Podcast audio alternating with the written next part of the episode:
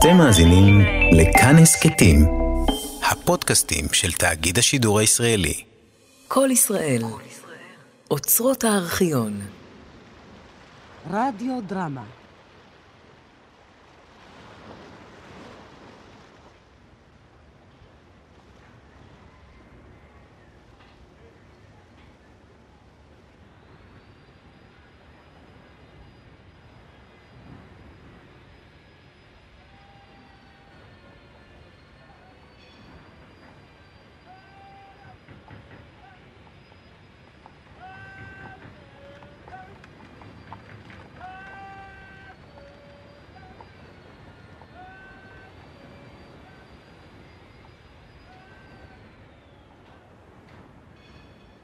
הגג והמרפסת. תסכית מאת יוסף בר יוסף.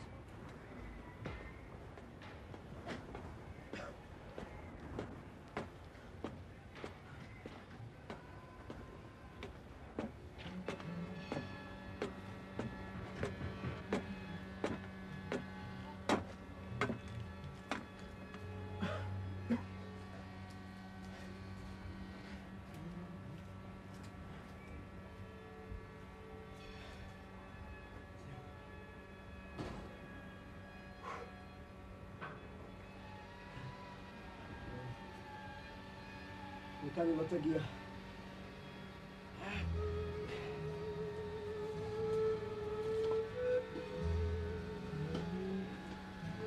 משתתפים עזרא דגן, נירה רבינוביץ' ושפרה מילשטיין. במאי ניסים קמחי.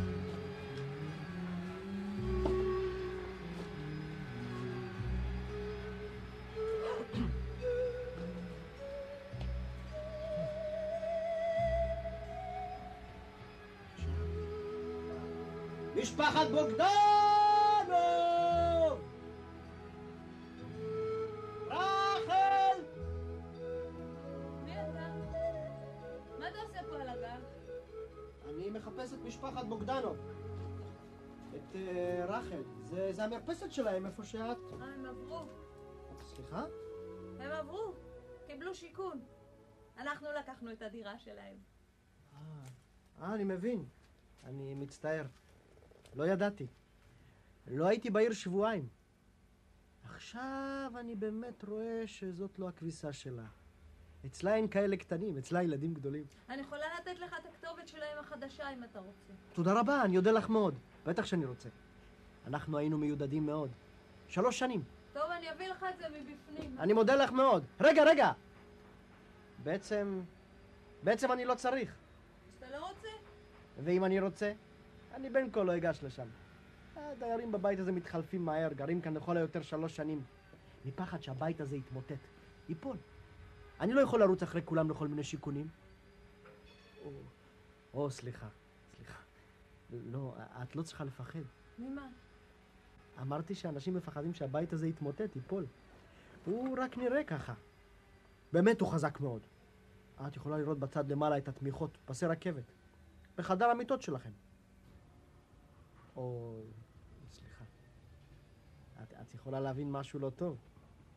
אני מכיר לא רק את חדר השינה, אני מכיר את כל הדירה. אני שכן כאן הרבה שנים, כן.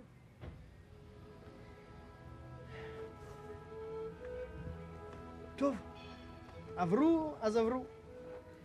ככה זה, מה? אני שוב מבקש את סליחתך, אני לא ידעתי שהם עברו, סליחה. אין דבר. אין דבר. לא, לא, מה זה אין דבר? יש. זה לא נהוג שמישהו עולה פתאום על הגג של הבית מלאכה מול המרפסת של אישה צעירה, ועוד קורא בשם המשפחה שגרה כאן קודם. דרך אגב, מה שמך? אני? דינה. דינה. נעים מאוד. שמי אלי. או, סליחה. תראי, תראי איזה מין בן אדם אני. חטא אחרי חטא. הוצאתי ממך את השם שלך ואמרתי לך את השם שלי. עשיתי בינינו היכרות, כמו שאומרים, ולא שאלתי בכלל אם את מעוניינת. זה- זה בכלל לא נקרא היכרות. לא? בטח שלא. לא לחצנו ידיים. בכלל, אני על המרפסת ואתה על הגג הקטן. ויש סמטה באמצע. אה, אם ככה, אני שמח. העיקר שאת לא כועסת עליי. טוב, אז uh, אני אלך.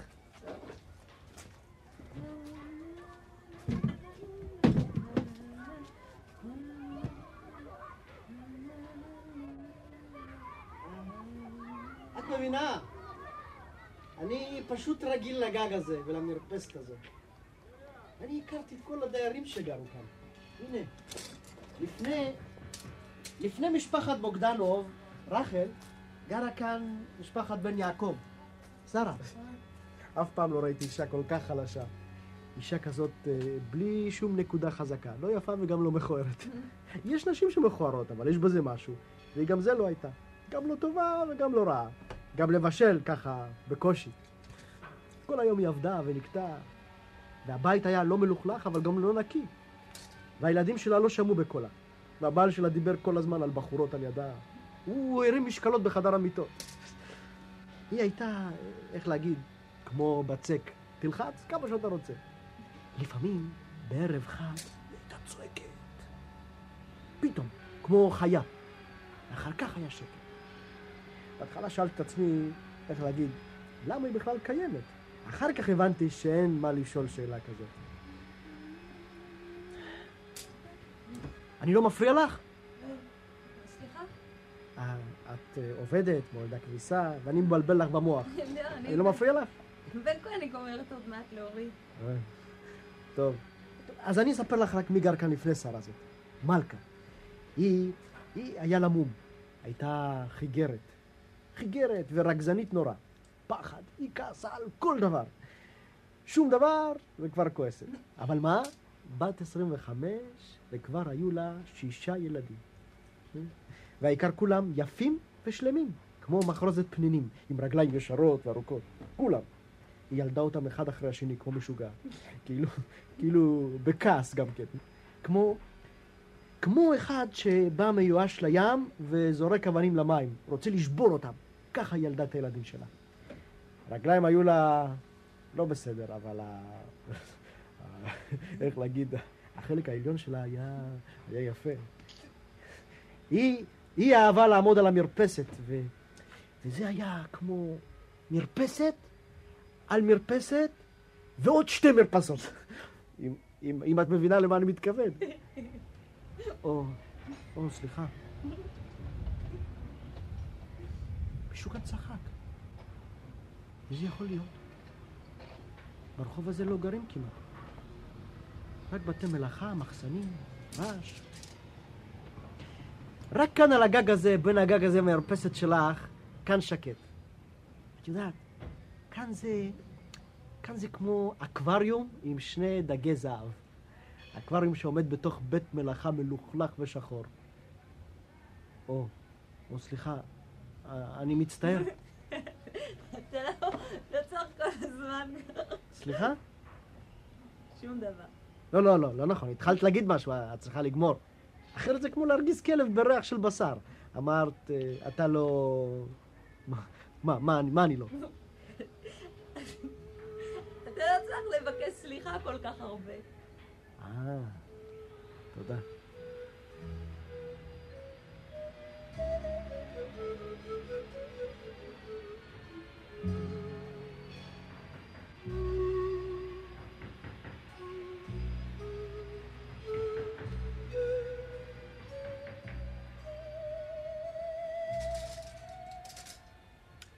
יודעת, זה מוצא חן בעיניי שאני מדבר ואת לא מפסיקה להוריד את הכביסה. אני לא אוהב שניים שמדברים ושניהם לא עושים כלום. אחד לפחות צריך לעשות משהו. אז זה נהיה משפחתי.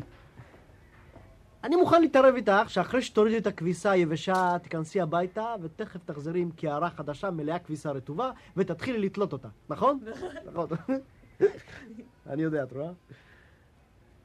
השעה הזאת, כשאת, וקודם רחל, וקודם מלכה, וקודם שרה, מורידות כביסה ותולות כביסה, זאת השעה שלי. אני עוד אסביר לך. בשביל פעם ראשונה זה מספיק. רק היום נפגשנו, לא צריך לחטוף תכף יותר מדי. אז אה, טוב. אז אני אלך. אני, אני באמת נזכר עכשיו שהם דיברו משהו על שיכון. אני לא הייתי כאן כמה זמן, הייתי בבית חולים. משהו קטן, לא חשוב. אז בדרך כלל משחררים בית חולים בבוקר, אבל אני ביקשתי במיוחד לצאת עוד בלילה, כדי שאני אוכל לעלות לגג הזה ו...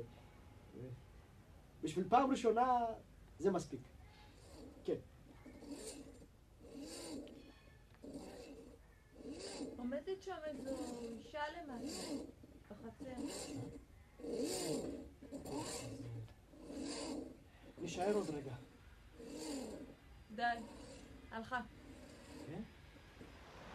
בואי, אני רוצה להראות לך משהו. מה? תסתכלי. איפה? כאן, כאן, בתוך התרמיל הזה. בידיים שלי. מה את רואה? דגים. יפים בעינייך? כן, גדולים. תמשיך, תמשיך עם הכביסה, תמשיך. הדגים לא יברחו, יש לי מזל לדגים. את כל הדגים האלה, תרמיל מלא תפסתי בשעה. את יודעת למה? מפני שאני לא הולך לים בשביל הדגים. אני הולך לים בשביל לשבור את המחשבות של הלילה. בלילה בן אדם חושב מין מחשבות כאלה, מחשבות יום כיפור. אני אוהב אותן, אבל מה? מרוב המחשבות האלה הראש נהיה שקוף כמו זכוכית. יותר מדי. אי אפשר לסבול. אז אני הולך בבוקר לים. ים יפה בבוקר. יותר עמוק, יותר עדין. הצבע שלו, תגיד שהוא כחול, הוא ירוק. תגיד שהוא ירוק, הוא כחול. אי אפשר לתפוס אותו בבוקר.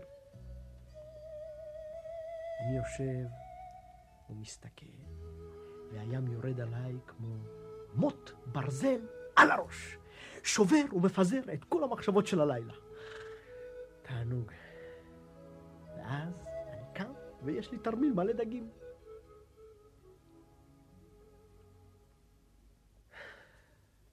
שום דייג חכה לא תופס כל כך הרבה דגים כל כך מהר. למה? מפני שאני לא רוצה אותם.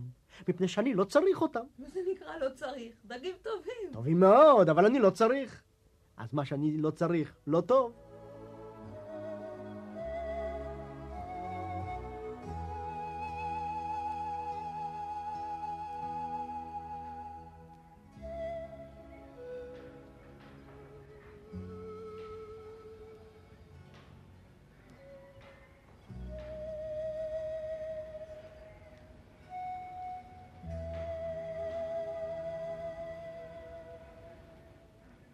אם תרשה לי, אני אשב על הכיסא ההוא. מצאתי אותו עוד לפני עשרים שנה, עומד כאן על הגג. גשם, שמש, הוא עומד כאן.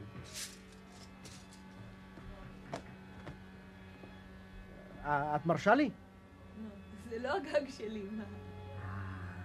זה לא היית צריכה להגיד. יכולת להגיד, בבקשה, תשב, והיית נהיית בעלת הבית של הגג. אם אפשר, למה לא? לוקחים מבן אדם כל כך הרבה דברים, אז כשהוא מוצא משהו קטן, הפקר, איזה גג, איזה ים, איזה שמיים, איזה שמש, שייקח את זה, שירשום על שמו. אתה משוגע, אתה. איזה משוגע.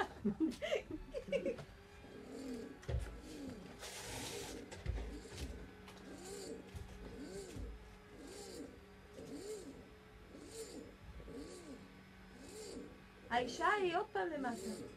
זה שום דבר. מה זה נקרא שום דבר? שום דבר, שום דבר. הלכה. כאילו היא מחפשת משהו, אתה יודע, היא ככה... אה, אתה מכיר אותה? אה, לא, לא, לא, לא, לא. תעזבי את זה, חבל על הזמן. הלוא עוד מעט אתם תעברו דירה. עוד שנתיים. איך ידעתי? נרשמים לשיכון, אה? ככה זה. אתן באות והולכות, ואני נשאר. אבל מה? גם ריח בית נשאר כאן כל הזמן.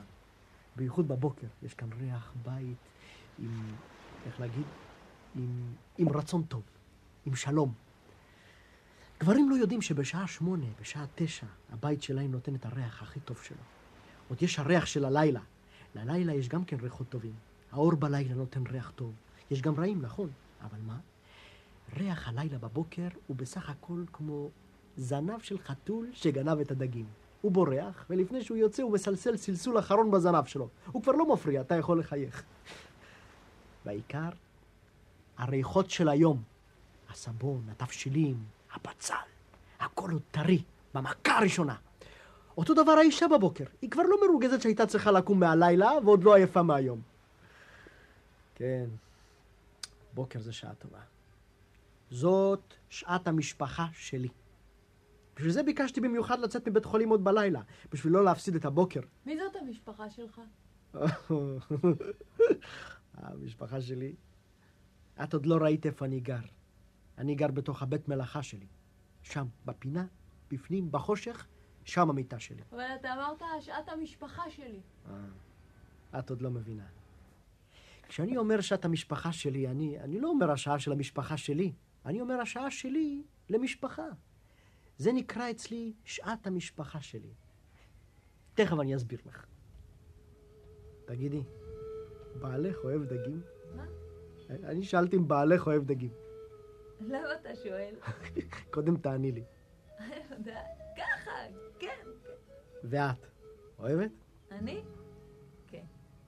את מבינה? כמו שאמרתי לך קודם, אני לא צריך את הדגים האלה. אין לי מטבח. אז אני תמיד נתתי את הדגים שלי למרפסת הזאת. אני מתכוון למי שגר כאן. לרחל בוגדנו, ולפני כן לשרה, ולפני כן למלכה. וכמה? סליחה? כמה אתה מוכר אותם? אה, אגב, דגים כאלה בחנות זה ביוקר. אם- אם תרשי לי, במקום לענות לך תכף, אני אגיד לך משהו. לכל אחד יש שעה שלו למשפחה. מי שיש לו משפחה, שעת המשפחה שלו זה אחרי העבודה, בערב. הנה, משה, הבעל של רחל בוגדנוב, גבר, יש לו שפם, כמו ארון שחור גדול. הוא חוזר עייף, מרוגז, נכנס בדלת, לא צריך לצלצל, וזהו. השעה שלו למשפחה, והמשפחה שלו נהיים בשר אחד. הוא רק היה נכנס הביתה, תכף היה אוכל מה שרחל בישלה לו, צועק על ילד אחד, מרביץ לילד השני, מושך את רחל לחדר מיטות. איתך סליחה. ובקיצור, איך להגיד, הוא היה מתנפל למשפחה שלו כמו חתול רעב על עכבר. נושך ואוכל ובולע, בלי להסתכל אפילו. זאת הייתה השעה שלו למשפחה. אני, לי אין משפחה. בערב אחרי העבודה אני לא יכול לבוא לפה. במקום תפוס, יש בעלים. אז מה? אני בא בבוקר. אה, לא. סליחה, סליחה, נדמה לי שאת מבינה אותי לא נכון. כשאני אומר שאת המשפחה שלי, זה לא מוכרח להיות גם... אה, יש לי חתיכות. איתך הסליחה. זאת אומרת, אה, חתיכות. עכשיו קוראים לה ברכה. אבל היא כל כך טיפשה. אלוהים בכבודו ובעצמו בטח שם יד. מין טיפשה חלום, עונג שבת. היא מבקשת ממני יום אחד כסף בשביל רופא שיניים. יש לה כאבים. היא קבעה תור בשש. טוב, אז אני נותן לה כסף. בשש אין לי מה לעשות, ואני הולך לראות. הרופא לא שמע עליה אף פעם. בערב אני אומר לה, למה? יכולת לבקש ממני סתם ככה ואני נותן לך, למה בשקר? ואם מתחשק לך לשקר, דווקא לשקר, בשביל, בבקשה, תני לי איזה שקר טוב, סתם שקר. אבל ככה, בשביל כמה לירות לספר לי שיש לך כאבים נוראים, רופא שיניים. אז היא עונה לי, איזה שקר, לא שיקרתי. אני אומר לה, אבל אני הייתי אצל הרופא. אז היא מתחילה לבכות. היא לא שיקרה, היא לא משקרת אף פעם, היא תבחר למות לפני שתשקר. היא בוכה נורא, באמת. אז את רואה, יש לי חתיכות. איתך הסליחה. האישה הזאת היא מתחילה לעלות על המדרגות. אה, אמרתי לך, זה, זה שום דבר. בקיצור, אני בא בבוקר, עומד כאן על הגג, ואני לא יכול לטרוף כמו הבעלים. אני מסתכל. בבוקר רואים מכאן, איך להגיד, כמו שזורקים חוט מסובך לתוך המים, והוא נפתח ונפרס ונהיה בהיר ויפה. הנה, תסתכלי בעצמך. הקיר הזה עם התחב, העציץ הזה עם הגרניום, שם בפנים, איתך סליחה. הכל כל כך ברור שלא רק רואים, גם מריחים. הכל נכנס לאף כמו חוטים של פלפל. רוצים להתעטש, אבל לא, אני לא מתעטש. אני מחזיק את זה בקצה החבל, כמו שאומרים, מתאפק. זה נשאר שלי באמת. זה התענוג שלי. זה התענוג של שעת המשפחה שלי. האישה הזאת, היא עלתה על הגג. גם על הגג את הולכת אחריי, אה?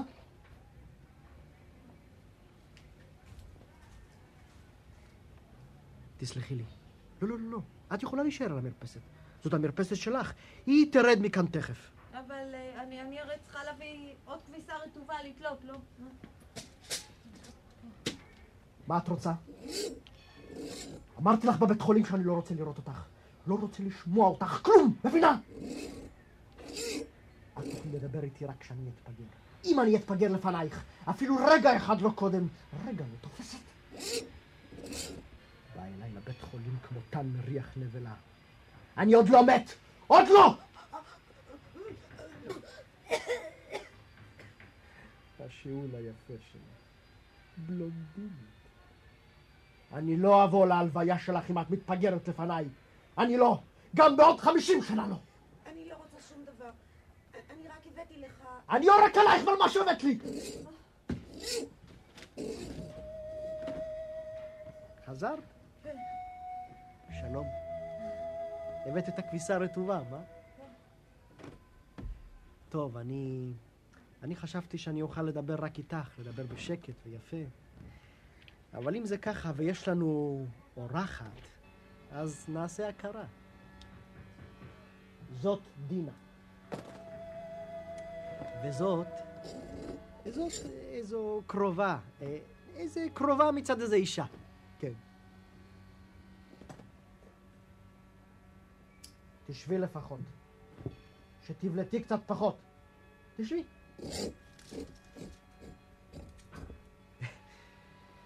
את שאלת אותי קודם בכמה אני מוכר את הדגים. אה? אני עוד אף פעם לא מכרתי דג. זאת לא העבודה שלי. יש לי מספיק בשביל לחיות מבית המלאכה שלי. אבל מה? פעם הרבצתי בדג. כן, הרבצתי בדג על ראש של איזו אישה. איזו, איזו קרובה מצד איזו אישה.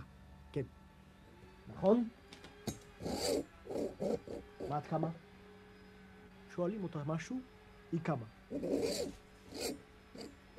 את uh, בטח לא מאמינה, מה? מה אני לא מאמינה? מה, מה שאמרתי לך? שהרבצתי בדג על ראש של איזה אישה, אה? אני לא יודעת, לא... לא כל כך. דג מתחלק מהידיים. זה נכון, אבל כשמישהו כבר מרביץ בדג, כבר לא משחק אצלו כן מתחלק, לא מתחלק. כשמישהו מרביץ בדג, הוא ירביץ אפילו בברזל מלובן. פשוט זה מה שהיה לי ביד, דג. אז, אז את מבינה, אז עוד הייתה לי משפחה, ואני ישנתי בבית, לא בבית מלאכה. היא, זאת אומרת, אשתי, הייתה הולכת בערבים למשפחה שלה. משפחת שפישצ'ינסקי. לא שמעת? משפחה ידועה, משפחה חזקה. חנויות, חומרי ברזל וגם אטליזם. היא הלכה בעיקר לצד האטליזם. היה אצלם תמיד ריח חזק של בדים. תמיד קנו שם איזה בד, מיששו איזה בד, דיברו על איזה בד. עוד פעם, למה את קמה? את הרי לא תלכי, אז תשבי. איפה גמרנו? אה, כן. היא הלכה למשפחה שלה בערבים, ואני התחלתי ללכת בבוקר לים. כמו עכשיו, לנוח מהמחשבות של הלילה. אבל אז הים לא עזר לי. אני הייתי עייף לא מהמחשבות שלי, אלא מהמחשבות שלה. אצל בעל ואישה יש דבר כזה, שאם אחד חושב מלוכלך על השני, אז השני לא מסוגל לחשוב על שום דבר אחר, רק על המחשבות האלה. וזה לא משנה שהמחשבות האלה לא היו שלה. הראש שלה היה יפה וריק כמו אגוז. המחשבות שלה היו של הבני דודים שלה והמשפחות שלהם. זה מילא את הראש שלי. אז הים לא עזר. ים יכול לפזר את הכובד של המחשבות שלך, אבל הוא לא יכול לפזר את המחשבות של אשתך או של הבני דודים שלה. הם לא ראו את הים. אפילו אם הם הסתכלו על הים, הם לא ראו אותו. יש אנשים כאלה, אל תחשבי שלא. אז כשלא יכולתי לסבול יותר, הרבצתי לה. בדג שהבאתי מהים על הראש שלה. וזה עזר. זה שבר, זה היה טוב. תענוג. מה את אומרת? אותך זה לא מצחיק? טוב, אני אספר לך סיפור אחד. סתם סיפור. את רוצה לשמוע? לא מפריע לי. טוב. איש אחד, ב-1948 הערבים מתחילים מלחמה על ישראל, אז מגייסים אותו לצבא הגנה לישראל. לפני שהוא יוצא, הוא אומר לאשתו, היא הייתה אז בערך בגילך, הנה שלושת אלפים לירות שחסכתי. לירות טובות, לירות סטרלינג של אז. עם כסף כזה אפשר היה לחיות כמה שנים טובות. היו לו ידיים טובות, הוא עבד קשה והרוויח, מבינה? הוא אמר לה, אני לא רוצה לשים את הכסף בבנק, אני רוצה שיהיה אצלך, על יד הילדה שלנו, בבית שלנו, הכי קרוב לגוף שלי. אם אני לא אחזור, יהיה לך ולילדה. אם אני אחזור, זה יהיה סימן מהשמיים בשבילי שאני צריך לפתוח עסק עצמאי. נמאס לי שהבעל הבית יוריד ממני את כל השמנת. כך הוא אמר לה. ופשוט, נכון? כן. כל אחד יכול להבין, נכון? מה את אומרת? כל אחד יכול להבין, לא? קמה ויושבת. קמה ויושבת כמו יויו. מספיק, תשבי. את רוצה דווקא לעמוד? תעמדי. התיישבת. יופי. אני אמשיך. בקיצור, הוא מתגייס. הולך למחנה אימונים, רק חודש, פחות, היו צריכים חיילים בחזית, אז מוציאים אותו לפני הזמן. איך להגיד? כמו עם מכנסיים יותר מדי גדולים, הוא בלי חגורה.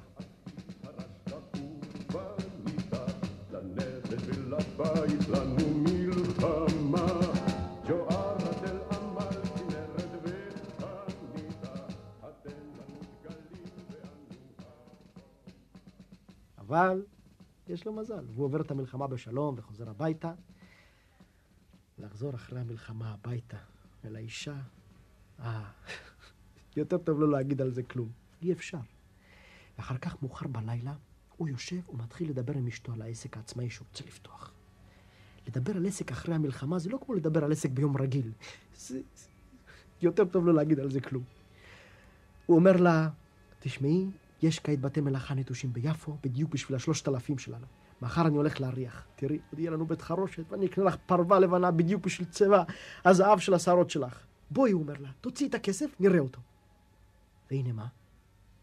היא לא זזה. שותקת. הוא שואל אותה, מה העניין? היא שותקת. הוא מרגיש שמשהו לא בסדר, אז הוא צוחק. אה, לקחת לך כמה לירות לקנות בד. לא חשוב, תביאי, נשאר מספיק. היא שותקת. אז הוא אומר לה, איפה הכסף? איפה הכסף? איפה הכסף? תעני לי איפה הכסף! איננו, אז אני אומר לה, אני לא שמעתי טוב. תגידי עוד פעם. איננו, נהיה לי חושך, לא הבנתי. שאלתי אותה, מה הפירוש איננו? מה הפירוש איננו? איננו. עוד פעם, היא אומרת איננו. איך איננו? מה קרה? גנבו? זה נשרף? אז יצא לי צעקה. אני לא הכרתי את הקול שלי. איפה הכסף שנתתי לך? איפה זה?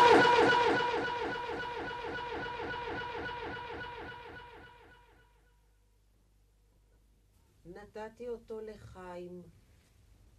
זה הבן דוד שלה. זה הבן דוד המרכזי שלה.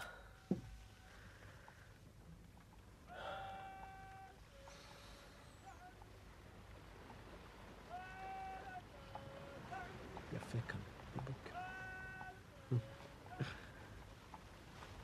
כל כך יפה. הוא מלא אור. מה זה נקרא נתת לחיים? מה זה נקרא נתת לחיים? מה זה נקרא? מה זה נקרא? מה זה נקרא? מה זה נקרא? מה זה נקרא נתת לו את הכסף שלנו? זה הכסף שלנו, לא? איך? למה? באיזה רשות? הוא ביקש ממני. הוא צריך את זה בשביל האטליז החדש שלו. גם בשביל בית חרושת לנקות.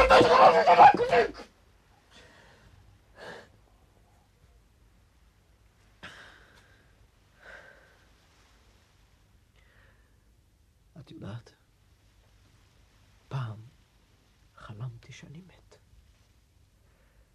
הלכתי ברחוב והייתי מת. הכל היה אותו דבר, אבל הכל היה כאילו עשוי מלבן.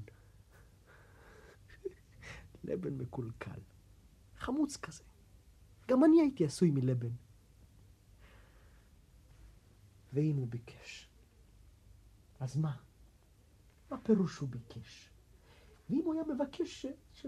אני לא יודע מה, לתת לו את הכסף שלנו, שאני משאיר אצלך כשאני הולך למלחמה, אצלך ולא בבנק, לתת לו את הכסף הזה בלי לשאול אותי, מפני שהוא ביקש. אף אחד לא היה מתחיל לחשוב לבקש דבר כזה. היה מתבייש, אבל הוא, שפישצ'ינסקי, הוא ביקש. למה את נתת לו? תעני לי חתיכת פבע!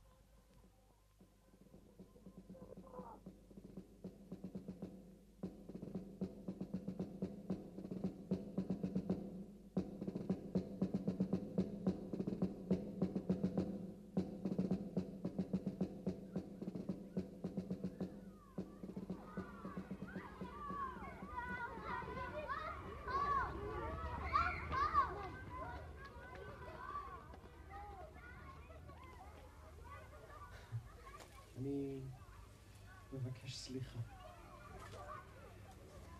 הוא לא אמר אז חתיכת בהמה. הוא לא היה מקלל אותה. אף על פי ש... אם להגיד את האמת, גם קודם הם לא חיו בשלום. היא הלכה יותר מדי למשפחה שלה. במלחמה הוא שכח. מספיק אויב אחד, בשביל מה עוד אויב בבית? אולי הוא גם חשב, אויב בחוץ, אולי היא תשתנה לכבוד זה, תעשה לו בית של שלום, של אהבה. למה את נתת? את. למה את? הוא הבן דוד שלי, הוא אמר שהוא יחזיר כשהעסק יתחיל ללכת. הוא הבן דוד שלי, לא? שתי פעמים היא אמרה בן דוד, שמעת? אחד לא הספיק לה. כשהוא שמע את זה, הידיים שלו תפסו את השערות הזהב שלה, והוא התחיל לנענע אותה כמו שמנענעים צנון גדול ורקוב להוציא אותו מהאדמה. ואם הוא הבן דוד שלך, של מי את? של הבן דוד שלך או של בעלך? מי האבא של הילדה שלך? מה שם המשפחה שלך עכשיו? למה התחתנת בכלל? למה לא נשארת אצל האבא והאמא שלך והבני דודים שלך?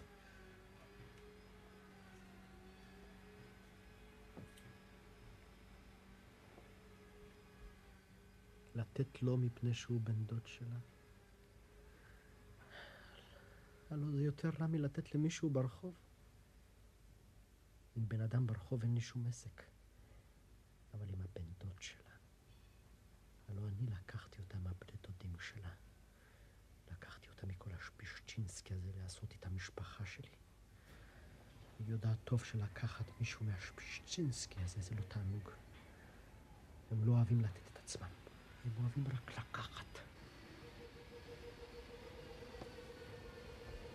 בקיצור, הסיפור מתחיל להימאס לי. אז אני אומר לה, כלומר, הוא, האיש שבסיפור, שיהיה כבר אני בשביל הסיפור. אז אני אומר לה, אנחנו הולכים עכשיו אל הבן דוד שלך ואנחנו לוקחים ממנו את הכסף בטוב. אם הוא לא ייתן, ניקח אותו ברע. ואני מכניס לכיס את האקדח שהבאתי שלל במלחמה. כשהיא רואה את האקדח, היא רועדת ואומרת לי, אני רוצה להיכנס רק רגע אל השכנה. בשביל מה את צריכה להיכנס אצל? בשביל... אה, בש... אני רוצה לבקש ממנה שתשמור על הילדה. לשמור על הילדה. בקיצור, אנחנו הולכים אליו. אנחנו עולים במדרגות, אני מצלצל, יבוא, ואני לא מספיק להיכנס, ומ"צ שהתחבא מאחורי הדלת, עוד נושם כמו חזיר מהריצה שרץ להשיג אותי, תופס אותי מאחורנית. אשתו גם כן איזו שפישינסקי, אבל הוא מתאים להם, והוא יחד עם הבן דוד חי מתנפלים עליי ומפרקים ממני את האקדח, משכיבים אותי על הרצפה ומרביצים לי. והיא, האישה שלו, זאת אומרת, אשתי, עומדת ורואה לעיני אשתו. עכשיו את מבינה? היא נכנסה לשכנה וטלפנה להם שאני בא עם האקדח. ואז הם פותחים את הדלת, והבן דוד עוד אומר לי, יש לך מזל שאתה מהמשפחה. אם לא היית מהמשפחה, היינו מביאים אותך למשפט צבאי בגלל האקדח והאיום. ואז הוא אומר לה, קחי אותו הביתה. סיפור יפה, מה? בובה של סיפור, אה?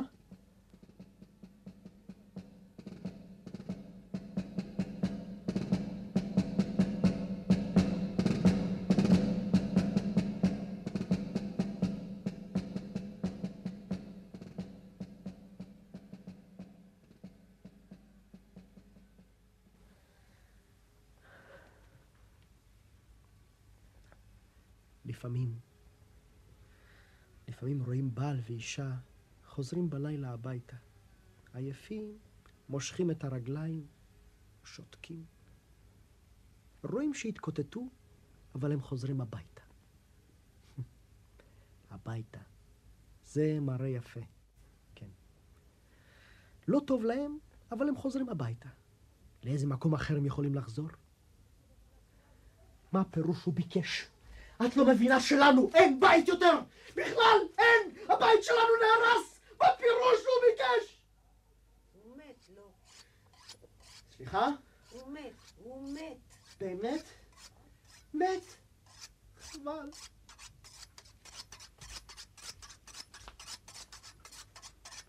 היא קרובה. היא מכירה את העניין. גם את הבן דוד. היא אומרת לי עכשיו שהוא מת, הבן דוד של החיים. זה עניין ישן, כבר יותר מעשר שנים. נכנס למקרר הגדול של האטליז שלו, חתך בסכין חתיכת בשר גדולה בתוך המקרר, כן? וקיבל התקפת לב. ואם הוא מת, מה זה שייך? אמרתי שהוא לקח ממך את הכסף אחרי שהוא מת? מה שייך הוא מת? בקיצור, עזבתי את הבית. לא, לא בן רגע כמו שהייתי צריך, זה נסחב, היו דיבורים, צעקות. דיברו על להחזיר את הכסף בתשלומים, הערך של הכסף ירד בינתיים, היא הלכה בערבים למשפחה שלה, אני הלכתי בבוקר לים. לא כדאי. עד שהרבצתי לה בדג על הראש שלה, והעמדתי מיטה באיזה חנות, איזה בית מלאכה קטן. מה אני אגיד לך? זה היה תענוג. מי אומר שבן אדם מוכרח לשבת בליל סדר עם המשפחה שלו? יותר טוב להיות עצמאי עם מחשבות שלו. הוא התעייף מספיק מהמחשבות שלה. עכשיו שתתעייף עם המחשבות שלו. את מבינה? בהתחלה היא רצתה גט, זה מה שהם אמרו לה. לא נתתי לה. למה שאני אתן לה, אה? עוד פעם עומדת? תעמדי. יושבת. בטח. כן. בהתחלה היא רצתה גט, ואחר כך... אחר כך קרה דבר משונה. המשפחה שלה הייתה צריכה לקרב אותה אחרי שהוא עזב אותה, לא? לשמוח איתה. הנה, היא שלהם, כולה, בלי הבעל הזה שלה. איך הם קראו לו? פרא אדם, גורילה. בהתחלה הם באמת עשו סביבה איזה חגיגה קטנה, מין חתונה שנייה. אבל אחר כך, לאט לאט הם עזבו אותה. ככה זה אצלהם. שפישצ'ינסקי, את מבינה? אז אחרי שהוא עזב אותה, לא היה להם מה לעשות איתה. הבעל שלה לא רצה אותה אצלו, למה שהם ירצו אותה? היא שלהם ממילא. סמרטוט. הם הפסיקו לקבל אותה יפה. לא היה לה לאן ללכת בלילות, גם כסף הפסיקו לתת לה. היא הייתה מוכרחה להתחיל לקבל עבודות תפירה הביתה. הוא לא נתן לה כלום. נתתי לה שלושת אלפים לירות סטרלינג. נתתי לך או לא נתתי לך? הילדה חולה, אלי. כן, כן. התחילה לקרוא לי אלי, ולבקש שאני אחזור. הילדה חולה, אלי. קחי אותה לרופא. כבר לקחתי. מה הוא אמר? נתן תרופות. אז מה את רוצה ממני? זה שהילדה חולה? זה שהוא מת? זה שהשד יודע מה? מה כל הדברים האלה? מה ש... נתת לו את הכסף שלנו או לא נתת לו? טילפנת שיכין לי אמבוש, לי לבעלך או לא טילפנת. זה הכל. את יכולה ללכת. יום אחד, לא לפני הרבה זמן, הילדה באה אליי. כבר בחורה כמעט. באה אליי ואמרה לי, מה אני אשמה, אבא? את לא אשמה, אני אומר לה. אז למה אני צריכה לסבול? היא אומרת. למה אני צריכה? אני רוצה אבא. מה יכולתי לענות לה? חשבתי להגיד לה, יש הורים שמולידים בת גיבנת, מה היא אשמה? יש הורים שמתים והבת שלה, והבת נשארת יתומה, מה היא אשמה? ככה זה. אבל חשבתי לי, שטויות. אז אני מסתכל בה ואומר לה, זאת הנדוניה שאני נותן לך. זאת. זהו. תעשי לי טובה. סליחה, את מדברת אליי? תשאירי אותנו רגע לבד, טוב? אה, שאני אכנס הביתה? טוב, בסדר. היי, לא, לא, לא, אל תיכנסי. את תמשיך לתלות את הכביסה שלך, לא גמרת. מה זה צריך להיות? באיזה רשות? אמרתי לך, מה את רוצה ממני? היית חולה, אז אני הבאתי לך משהו חם לאכול. את הרסת את החיים שלי. רק שתיקח, זה הכל. שתאכל. את טיפשה. אבל גם זה לא ישנה. טוב, תני. עשרים שנה אני חי כמו כלב בגללך.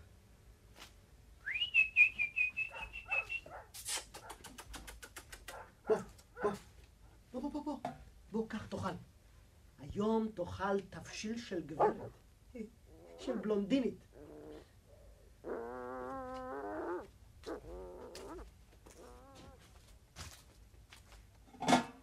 רוצה עכשיו? לקחתי, אכלתי. למה את מחכה?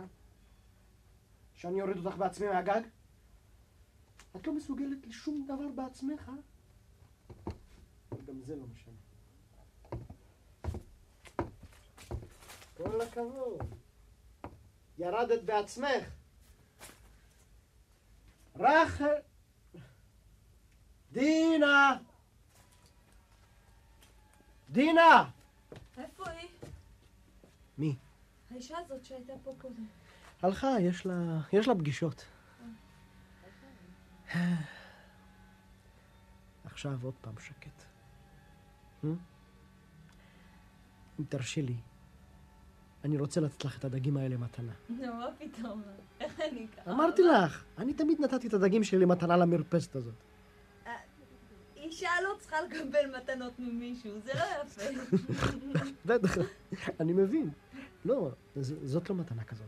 זה רק דגים. אני בעצמי קיבלתי את זה במתנה. אז אני מעביר הלאה, זה הכל. את לא צריכה להחזיר לי שום דבר. רק, את מבינה? השעה הזאת בבוקר, על הגג, כאן מול המרפסת, כשאני נותן את הדגים, זה מספיק לי. כמובן, אם פעם תזמיני אותי לטעום, שאני אראה איך את מבשלת אותם, אני לא אגיד לא. או אם... אבל זה לא חשוב. מה שיבוא, יבוא. כמו הדגים. רוצים? באים. לא רוצים? לא באים. הכל חופשי, עצמאי. קחי, קחי, זה בסדר. טוב, איך אני אקח? יש פה סמטה באמצע. אה, כן. זה, זה באמת קושי שאי אפשר להתגבר עליו. תסתכלי רגע הצידה, טוב? אל תפחדי. אה. תסתכל, תסתכלי הצידה, אה? אה? מה אתה... אתה קפצת מהגג למרפסת הזאת! מה, אתה קפצת את כל הסמטה הזאת! מה אני יכול לעשות? אני לא ציפור. אין לי כנפיים לעוף, אז אני מוכרח לקפוץ. בבקשה. קחי. לא, באמת לא. אני לא יודעת, אולי פעם אחרת, טוב, לא תכף. קחי, זה בסדר. מוכרח להיות פעם ראשונה, לא? דגים יפים, טריים. עוד מריחים ים. אם לא תקחי אותם, הם יסריחו, חבל. טוב, בסדר, אני אשים אותם במקרר. ותחזירי את התרמיל.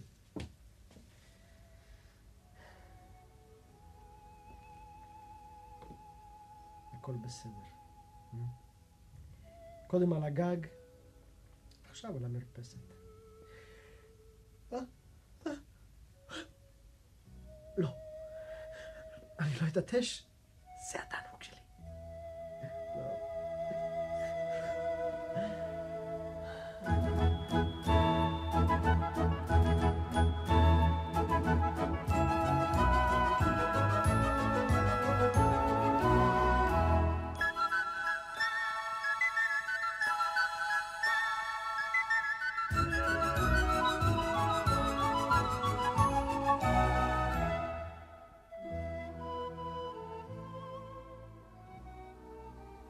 האזנתם בשידור סטריאופוני לתסכית הגג והמרפסת מאת יוסף בר יוסף. השתתפו עזרא דגן, ניר רבינוביץ' ושפרה מילשטיין.